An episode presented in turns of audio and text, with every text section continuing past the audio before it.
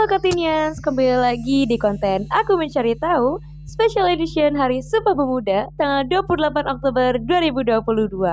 Nah, Kartinias, berhubungan ini Special Edition Hari Sumpah Pemuda, jadi di sini aku bakal mau wawancarai beberapa warga semansa yang tentunya perihal tentang Sumpah Pemuda ya. So, let's check it out. Jadi di sini saya sudah bersama dengan Ya, saya Jonathan Arya Soputro dari 10 Kartini Tiga. Nah, jadi uh, rekan Jonathan, menurut rekan Jonathan sendiri seberapa penting sih uh, untuk memahami arti dari Sumpah Pemuda ini? Ya, menurut saya sih cukup penting. Karena terutama untuk bagi penerus bangsa yaitu kaum-kaum muda itu sangat penting karena isi dari Sumpah Pemuda ini eh, sangat-sangat uh, berarti meskipun banyak sekali pemuda-pemuda pemuda-pemudi di Indonesia ini yang jarang sekali uh, mau mendengarkan isi dari Sumpah Pemuda. Uh, jadi setiap ada pembacaan dia merasa acuh tak acuh aja gitu. Tapi menurut saya isi dari uh, Sumpah Pemuda ini memiliki motivasi yang sangat luar biasa meskipun uh, tidak secara langsung tetapi kata-kata yang dari kata-kata yang bermakna ini bisa membangkitkan para uh, semangat-semangat dari anak-anak muda dan pemuda-pemudi Indonesia. Nah, jadi saya di sini sudah bersama dengan Novel Asma Putra dari kelas 11 MIPA 2. Nah, jadi e, menurut kakak sendiri e, seberapa penting sih untuk memahami Sumpah Pemuda itu?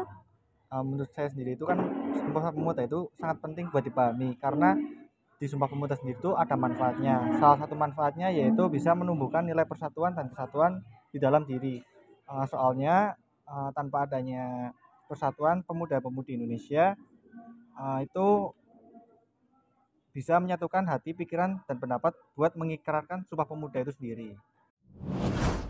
Nah, jadi di sini saya sudah bersama dengan uh, Kak Robit, Robit Al-Mubain dari kelas 12 MIPA 7. Nah, menurut Kak Robit sendiri, uh, efek Sumpah Pemuda bagi remaja semansa itu apa sih, Kak? Uh, sebenarnya itu harusnya kalau efek yang positifnya dan juga harus positif sih harusnya ya uh, bikin rasa nasionalisme para pemuda itu bikin tambah naik, tambah tahu apa arti perjuangannya pemuda-pemuda zaman dahulu itu gimana mereka memperjuangkan bangsa. Dan itu juga harus menimbulkan kesadaran bagi kita. Biar apa? Biar kita itu bisa meneruskan perjuangan para pahlawan yang pemuda yang dahulu itu. Nah, kenapa kok bisa apa dengan cara apa kita harus bisa meneruskannya dengan cara belajar belajar untuk membawa negara kita ke jenjang yang lebih tinggi lagi dari dari negara berkembang menjadi hingga menjadi negara maju.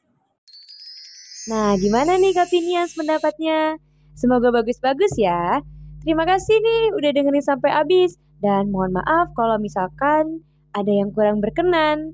Have a good day and see you in the next content. Bye-bye.